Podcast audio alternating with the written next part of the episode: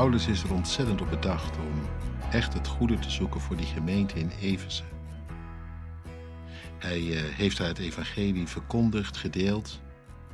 En hij, is, hij heeft nu een brief geschreven waarin hij daarop doorgaat en het ophaalt om het eens te meer in te prenten, waar ze het mogen leven, die genade, weet je wel, en die geest die hen gegeven is. Dat dat niet ergens stagneert, maar dat dat doorgaat, verder openbloeit.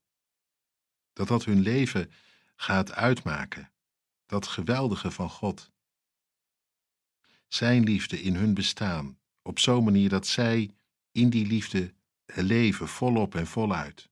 Een nieuwe werkelijkheid, daarin even ze nota bene. Een stad waar het occulte hoogtij vierde, waar de machten van de duisternis hun gang gingen. Tegelijk beseft Paulus hoe kwetsbaar het is. Zeker, ze zijn erin meegenomen, ze zijn er vol van geworden, de geest heeft zijn werk gedaan, maar daarmee is het niet automatisch allemaal voor elkaar. Het kan zomaar worden ondermijnd. Er kan roet in het eten worden gegooid.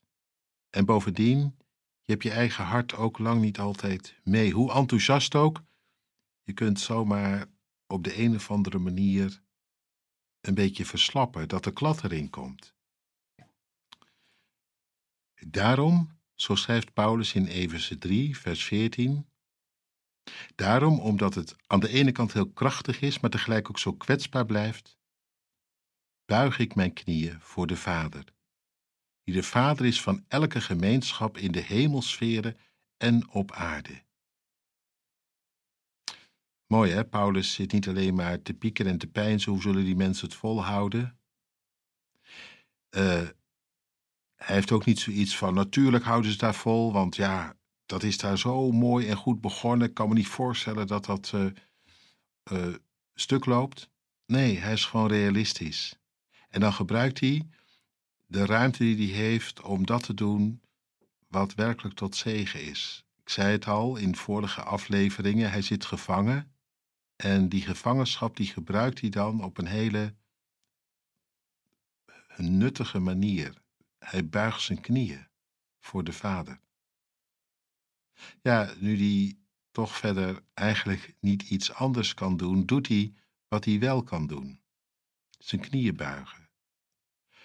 Prachtig, tot de Vader van elke gemeenschap in de hemelsfeer en op aarde. Nou,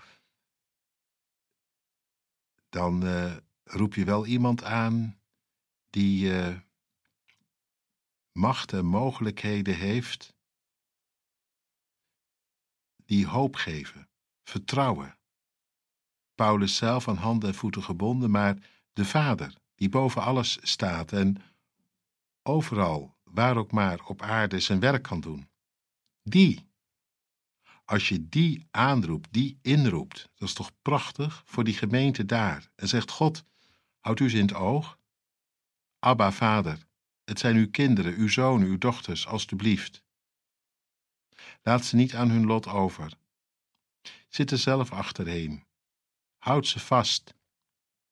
Houd ze erbij. En laat dat goede begin van u een zegenrijk vervolg hebben. U bent hun vader. En ik kom voor hen om uw trouw. Ik denk aan uh, vaders, aan moeders, aan opa's, aan oma's, aan jou, die misschien uh, lang niet altijd kunt doen wat je zou willen doen. Maar één ding kun je toch wel: je knieën buigen en die en gene opdragen aan de Vader die boven alles staat en overal, waar ook maar, zijn werk kan doen. Is dat niet het meest krachtige wat je eigenlijk kunt doen in alle kwetsbaarheid die geloven met zich eh, meebrengt? Dat je een beroep doet op de hand en de geest van deze Abba voor mensen die jij op je hart draagt.